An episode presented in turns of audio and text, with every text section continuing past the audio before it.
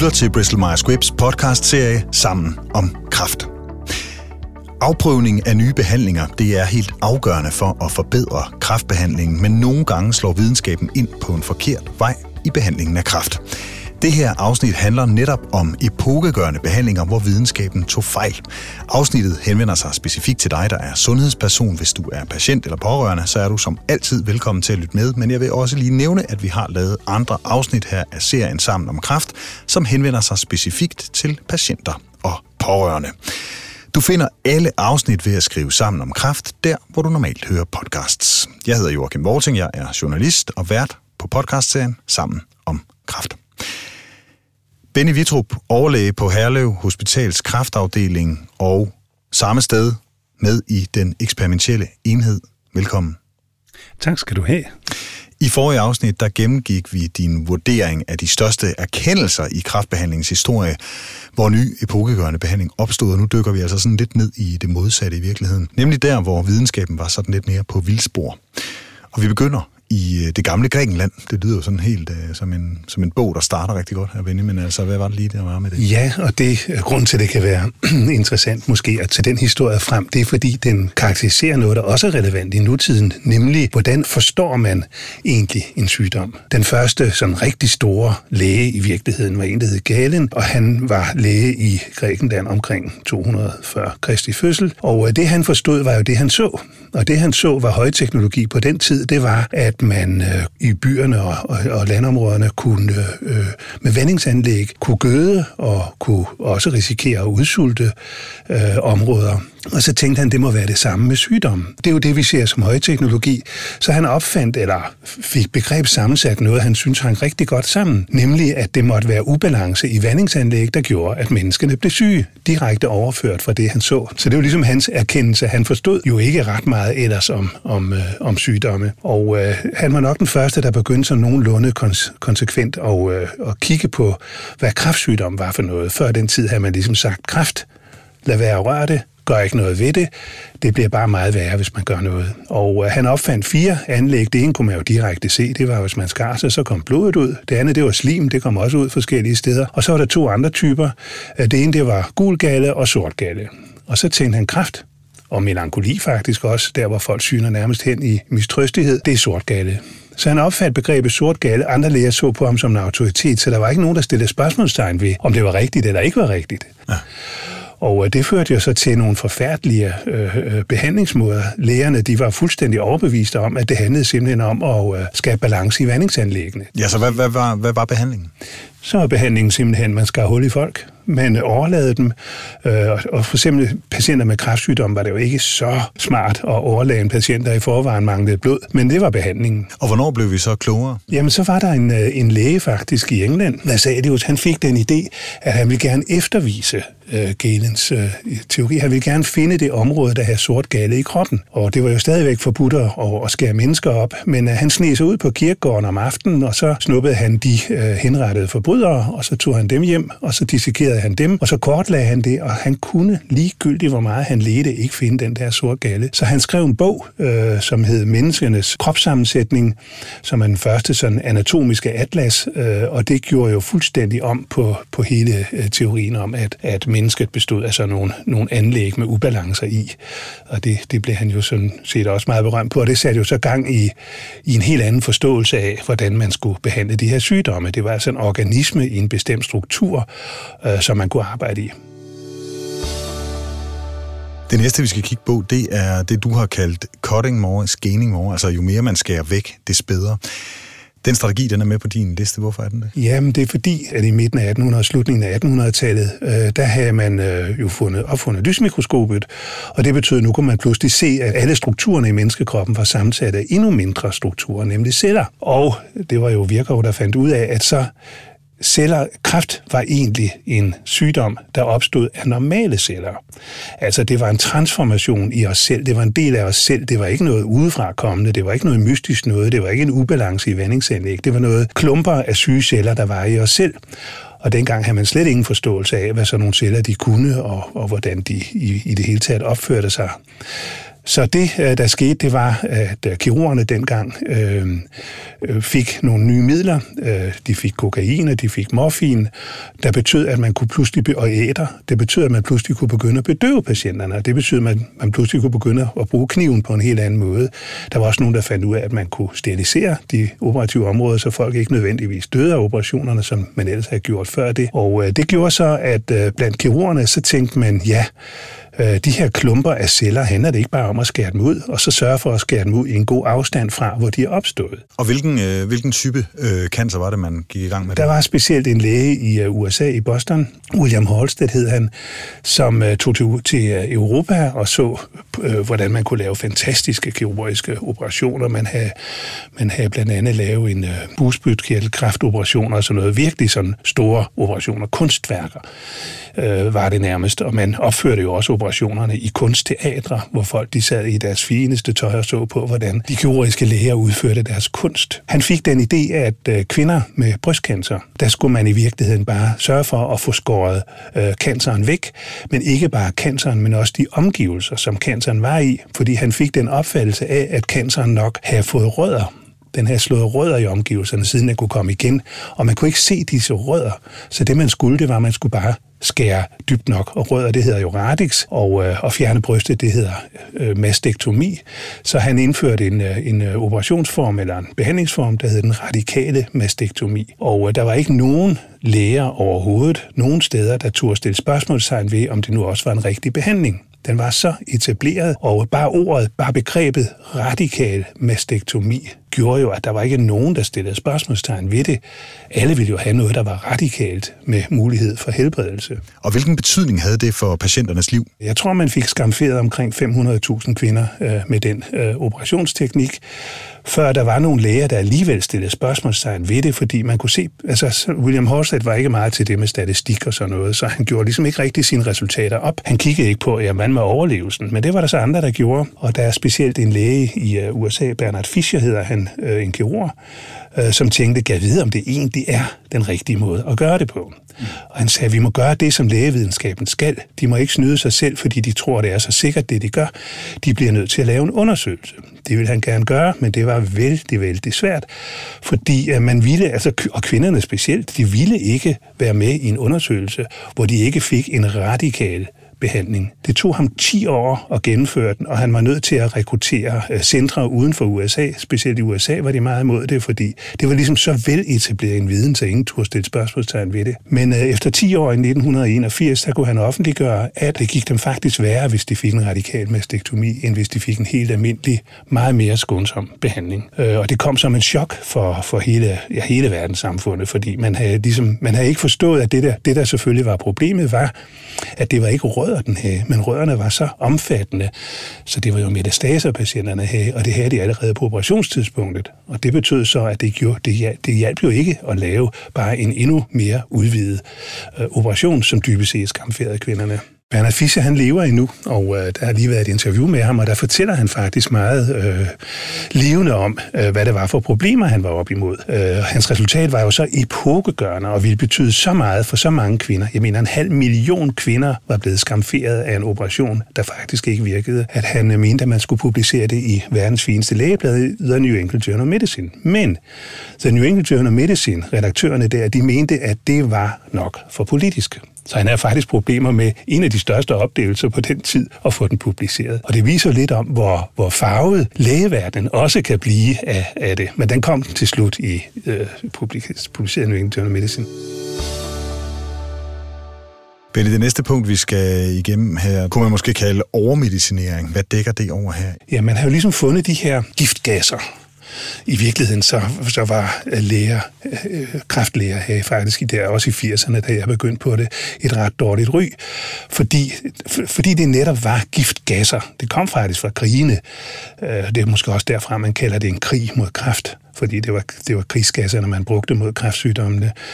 Men øh, det kræftlægerne fik beskyldning for, det var, at det var sådan en slags charlataner, fordi de forgiftede patienterne med, med giftige gasser for at få canceren væk. Men i USA arbejder man meget med det, og Nis Nissen. Øh, det han gjorde som helt ung, det var, at han havde været i USA, og han havde set, at man kunne bruge de her giftgasser. Og han er en meget, meget, meget velbegavet mand. Så han kom hjem med det og sagde, at vi må gøre noget øh, for kræftbehandlingen i Danmark. Så han begyndte at give nogle af de her øh, giftige stoffer til patienterne, og han startede meget heldigt med med børn med en lidt sjælden øh, cancersygdom, som en nyrekancer, som, som de typisk døde af. Og lige pludselig så døde de ikke, men overlevede. Det var sådan en, hans første sådan rigtige øh, succes øh, øh, på dansk grund. I USA førte det til, at man tænkte, nå, de her stoffer, han er jo taget med derovre fra, de her stoffer, dem kan man åbenbart bruge til at slå kræftceller ihjel med dengang vidste man så stadigvæk ikke rigtigt, hvad mekanismen egentlig var, men det var også ligegyldigt bare, det virkede. Og så fik man den idé i USA, at man skulle nok bare give mere af giftgasserne. Altså hvorfor var det, at nogle af patienterne fik sygdommene igen? Man skulle nok give noget mere af det. Og der er specielt nogle meget berømte læger, Freja og Frejheit hed de, og de hed Emil Bæk to til fornavn. Faktisk er det sådan, at den sidste af dem, Emil Freiheit, han er lige død i år, øh, også nogle af 90 år gammel.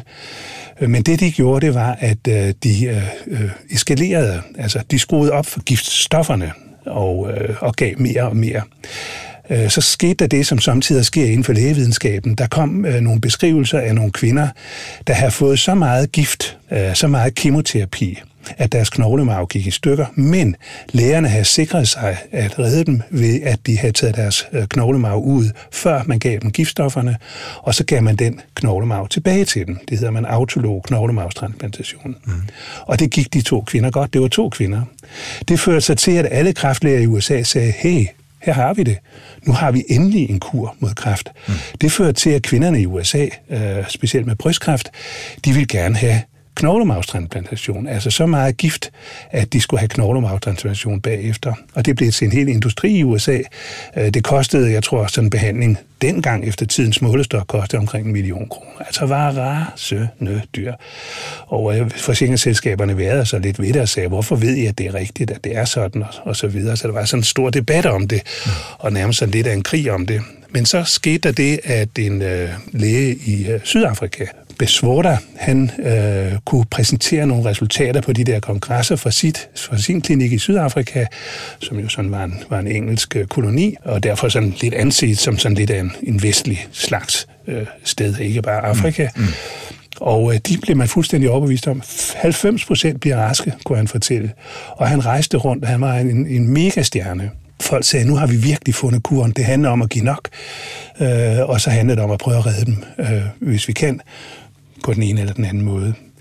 Øh, og det gik også godt helt frem til 1999, altså kun 20 år siden, indtil der var nogle læger, der havde prøvet at trække lod mellem, at man gav så meget, eller man bare gav det, man plejede at give, som man ikke blev syg og døde af.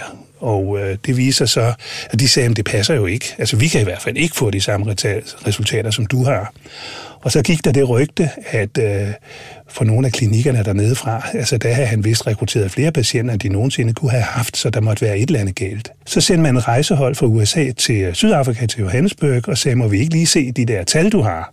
Øh, hvad er det for noget? Og øh, man kunne kun finde dem, der havde fået behandling. Man kunne ikke finde kontrolpatienterne, som det var gået skidt for. Så gik det op for dem, at øh, det var rent snyd. Han havde simpelthen opfundet patienter, og han havde opfundet data, og det var jo en katastrofe. Altså, altså endnu en, kunne, kunne det lade sig gøre? På det tidspunkt havde, havde over 40.000 kvinder fået autolog knoglemavstransplantationsbehandling, og givet jeg ved ikke, hvor mange penge øh, til det, og 15 procent af dem, de var faktisk døde af behandling. Mm, mm. Altså virkelig. Og så blev det fuldstændig afskaffet, nu bruger man det overhovedet ikke mere. Hoppede vi med herhjemme på øh, Besvodas forskning? Ja, altså der var på det tidspunkt også kommet sådan et krav om, at øh, det måtte kunne lade sig gøre at behandle patienter med kræftsygdomme. Man havde haft bedre succes med patienter med blodkræftsygdomme, som næsten Nissen stod for, men man ville også gerne behandle patienter med solide kræftsygdomme. Og i og med, at der nu pludselig kom sådan nogle øh, signaler om, eller data om faktisk, at øh, det kunne være en helbredende kur, så tænkte vi, det må vi også gøre i Danmark. Så i Danmark så lavede man faktisk en undersøgelse, hvor jeg, hvor jeg tror, det var 53 kvinder, der blev øh, indgik i den der undersøgelse, og dem, behandle, dem ville man behandle med autolog knoglemarvstransplantation, altså megadoser af kemoterapi, der bragte dem på dødens rand, og så redde man dem lige på falderæbet ved at give dem deres egen knoglemarv tilbage. Jeg var med til sådan en øh, behandling hos, jeg husker det så tydeligt, en 42-årig, virkelig yndig og sød øh, skolelærerinde, som havde fået brystcancer, sig, og øh, vi var to læger, der høstede hendes knoglemarv. Hun lå på sådan et leje på kirurgisk afdeling, og øh, vi borede ind i hendes øh, bækken, og så sugede vi ellers knoglemarv ud, mens hun hørte klassisk musik. Og så fik hun de der mega store doser af kemoterapi, og øh, fik så sin knoglemarv tilbage. Så skete der det, som øh, snyde Besvoda jo egentlig sådan set på en måde ikke har fået rapporteret, nemlig at hun fik øh, sygdommen igen. Og så kan jeg huske, og det var, viser lidt om, hvor, hvor galt det kan gå, at lægerne på Herlev, de tænkte, vi må give hende det én gang til. Så gjorde de det én gang til, og det endte med, at hun blev blind, og hun blev døv, og hun døde så til sidst af sin, øh, sin kræftsygdom. Og lige efter kom så de der data fra Sydafrika, at øh, det havde været snyd det hele, og familien blev jo fuldstændig frustreret og, og ked af det, og klagede over det og øh, til sundhedsmyndighederne. Ja, det er klart. Ja. Det er også noget Men det fortæller lidt om, hvor galt øh, man kan gå, ja. hvis man bliver for overbevist i, at øh, jamen, det ved en værd. Det er da sådan, man skal gøre. Ja, det er selvfølgelig noget af en skandale her med Besvodas forskning, men den har også bragt noget fornuft med sig øh, i forhold til kontrol, Benny. Det ved du har en nu? Ja, så skete der det, som vi synes var vældig, vældig besværligt. Det husker jeg så tydeligt. Det kom lige efter årtusindskiftet. Det var i 1999, det her blev, blev afgjort, at specielt i USA sagde man, det går ikke det her med, det er jo fuldstændig, øh, hvad hedder det, vilde vesten. Vi er nødt til at have lidt styr på de her data. Vi er nødt til at sikre, at sådan et tilfælde, som det Beswater har, har gjort, det ikke kan opstå igen.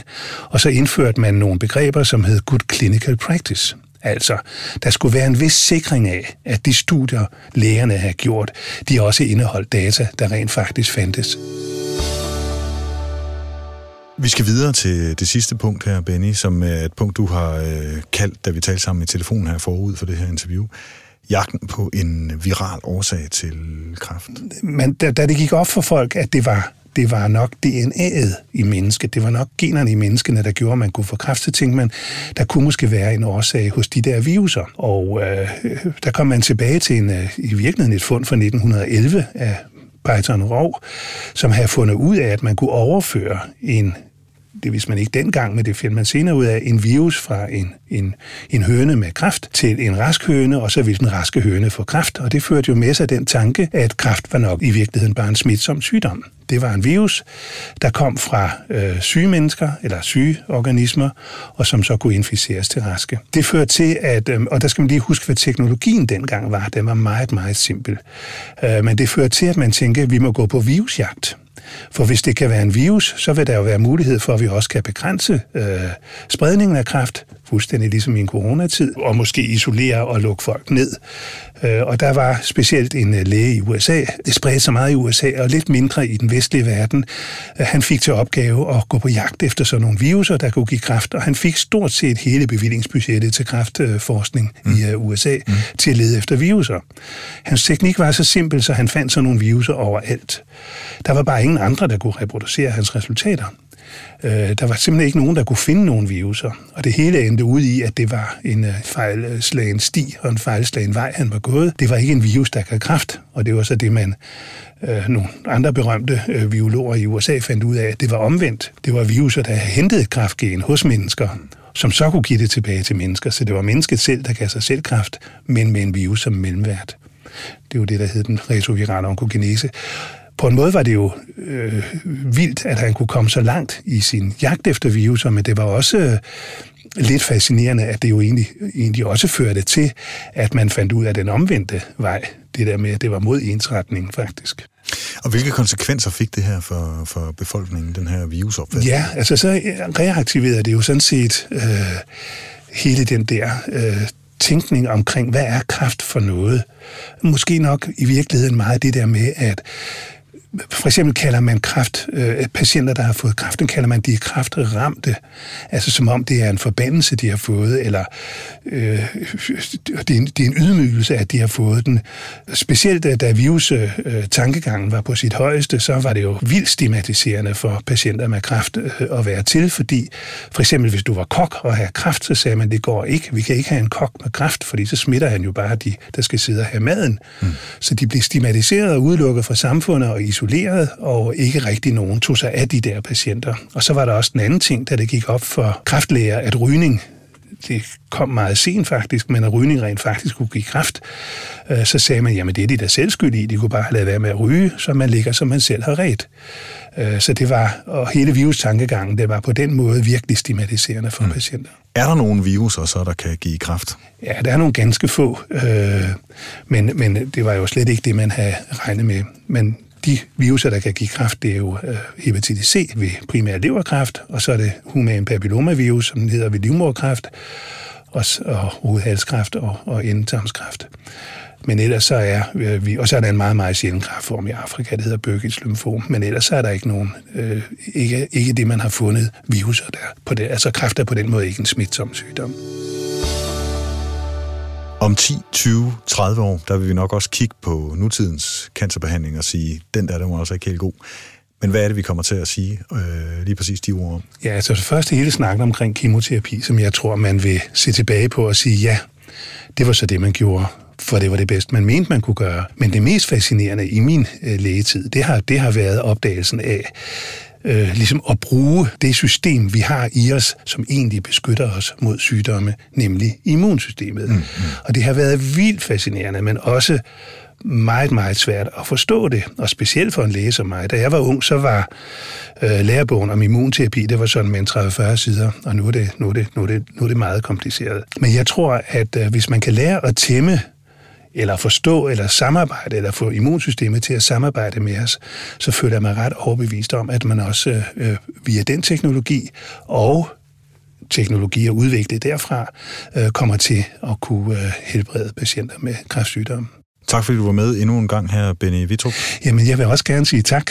Ikke fordi det har været så opløftende at snakke om de negative ting, men øh, det er vel også nødvendigt for at forstå, hvordan man skal gå fremad. Husk, at der er flere afsnit med Benny Vitrup, hvor vi eksempelvis gennemgår de største sejre for videnskaben i behandlingen af kræft.